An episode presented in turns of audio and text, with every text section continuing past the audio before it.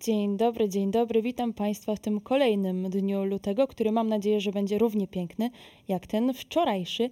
Ja nazywam się Iga Twarowska i poprowadzę dla Państwa dzisiejszy poranny przegląd prasy, a dzisiejszą porcję informacji zaczynamy e, wieściami ze strony infor.pl, bo to tutaj o ciekawej alternatywie w kwestii wynagrodzenia dla pracowników chodzi tutaj o nadgodziny i o tym, że możemy otrzymać za nie w 2024 roku ryczałt. Jednakże to wszystko nie jest wcale takie łatwe, jeżeli przychodzi e, do kwestii e, obliczeń. No i kiedy to tak e, pracodawcy będą drapać się po głowie i zastanawiać się nad tym, e, jak, e, jak ustalić taki odpowiedni ryczałt, o tym, czy dofinansowanie do tych nadgodzin powinno wynosić, czy dodatek powinien wynosić 50% czy 100%, to Infor.pl już nad tym tematem się za Państwa pochylił i dokładnie sprecyzował, mm, jak to wszystko wygląda. Mm, również e, ważne jest to, aby wszyscy pracodawcy e, hipotetycznie e, określili ilość godzin, które pracownicy nadpracują oraz ryzyka, które są związane z mm, wdrożeniem tego rozwiązania do środowiska pracy. Przechodzimy dalej do portalu InforLex, bo to tutaj o dużych ułatwieniach dla wszystkich e, podatników i o tym, że zostanie mm, wprowadzona e, nowa rewolucja w obszarze składania zeznań e, podatkowych. Ministerstwo Finansów zamierza uruchomić dwie nowe usługi w programie EPIT. Odnosi się to do aplikacji mobilnej i różnorodności opcji e, płatności.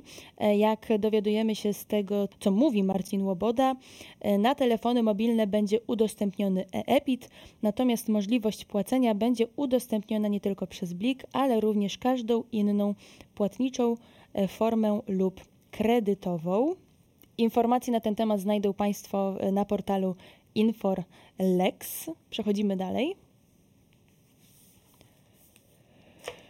Jeszcze ciepła prasa. Zaczynamy od dziennika Gazety Prawnej, bo to tutaj o 200 milionach na grantu na dofinansowanie dla e, naukowców, co w finale da nam aż ponad pół miliarda złotych e, budżetu. Od Narodowego Centrum Nauki, pisze dzisiaj Anna Wittenberg. Niemniej jednak taki grant jest trudny do otrzymania, bo tylko, e, bo aż 8 na 10 naukowców spotyka się z odmową w przyznaniu takiego właśnie dofinansowania. E, no i e, całe nieszczęście w tym szczęściu jest y, pod postacią pana ministra Czanka, bo to on patrzy z podełba na wszystkie innowacje, które do tej pory chciał, chciało Narodowe Centrum e, Nauki wprowadzić. I we wrześniu e, ubiegłego roku e, ogłosił też, że NCN zostanie zlikwidowane. Więcej szczegółów odnośnie tych grantów na w dzisiejszym wydaniu dziennika Gazety Prawnej.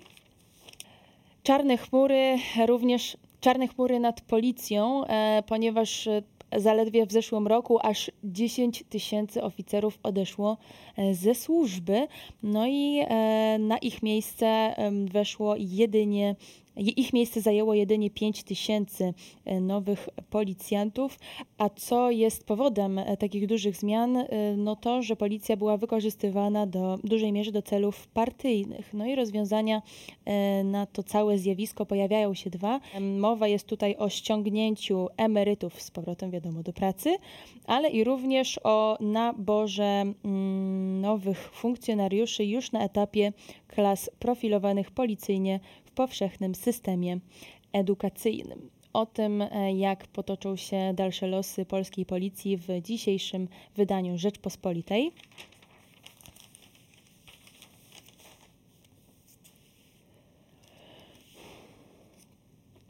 O 14 emeryturze mówi nam dzisiaj Gazeta Wyborcza i o tym, ile i komu będzie ona przysługiwała. Czy dostaną ją osoby najbiedniejsze, czy dostanie ją każdy, niezależnie od dochodu. Co jest wiadome, to to, że próg dochodowy być może będzie zniesiony w kolejnych latach, ale na pewno nie będzie to jeszcze rok 24. Co więcej, wiadomym jest, ile wyniesie 13 emerytura, bo będzie ona w wysokości najniższego świadczenia po marcowej waloryzacji. No i postawione jest też pytanie, czy, czy tak naprawdę ta emerytura 13 i 14 się utrzyma, czy będzie ona zlikwidowana, czy też nie. Czy e, wiedzą Państwo może, jaki jest największy ssak istniejący obecnie na naszej e, planecie? Otóż e, jest to płetwal błękitny, którego waga wynosi aż 150 ton. No jest to ogromna liczba, ale, ale, ale, kiedy większość z nas zna odpowiedź na to pytanie, to myślę, że zdecydowana mniejszość nie zadała sobie pytania, jakie zwierzę stoi po drugiej skali tej rozpiętości, jaki kręgowiec jest najmniejszy na naszej planecie. Otóż jest to żabka, która nazywa się Paedopryn amanensis i została odkryta zaledwie 12 lat temu w deszczowych lasach Papui Nowej Gwinei.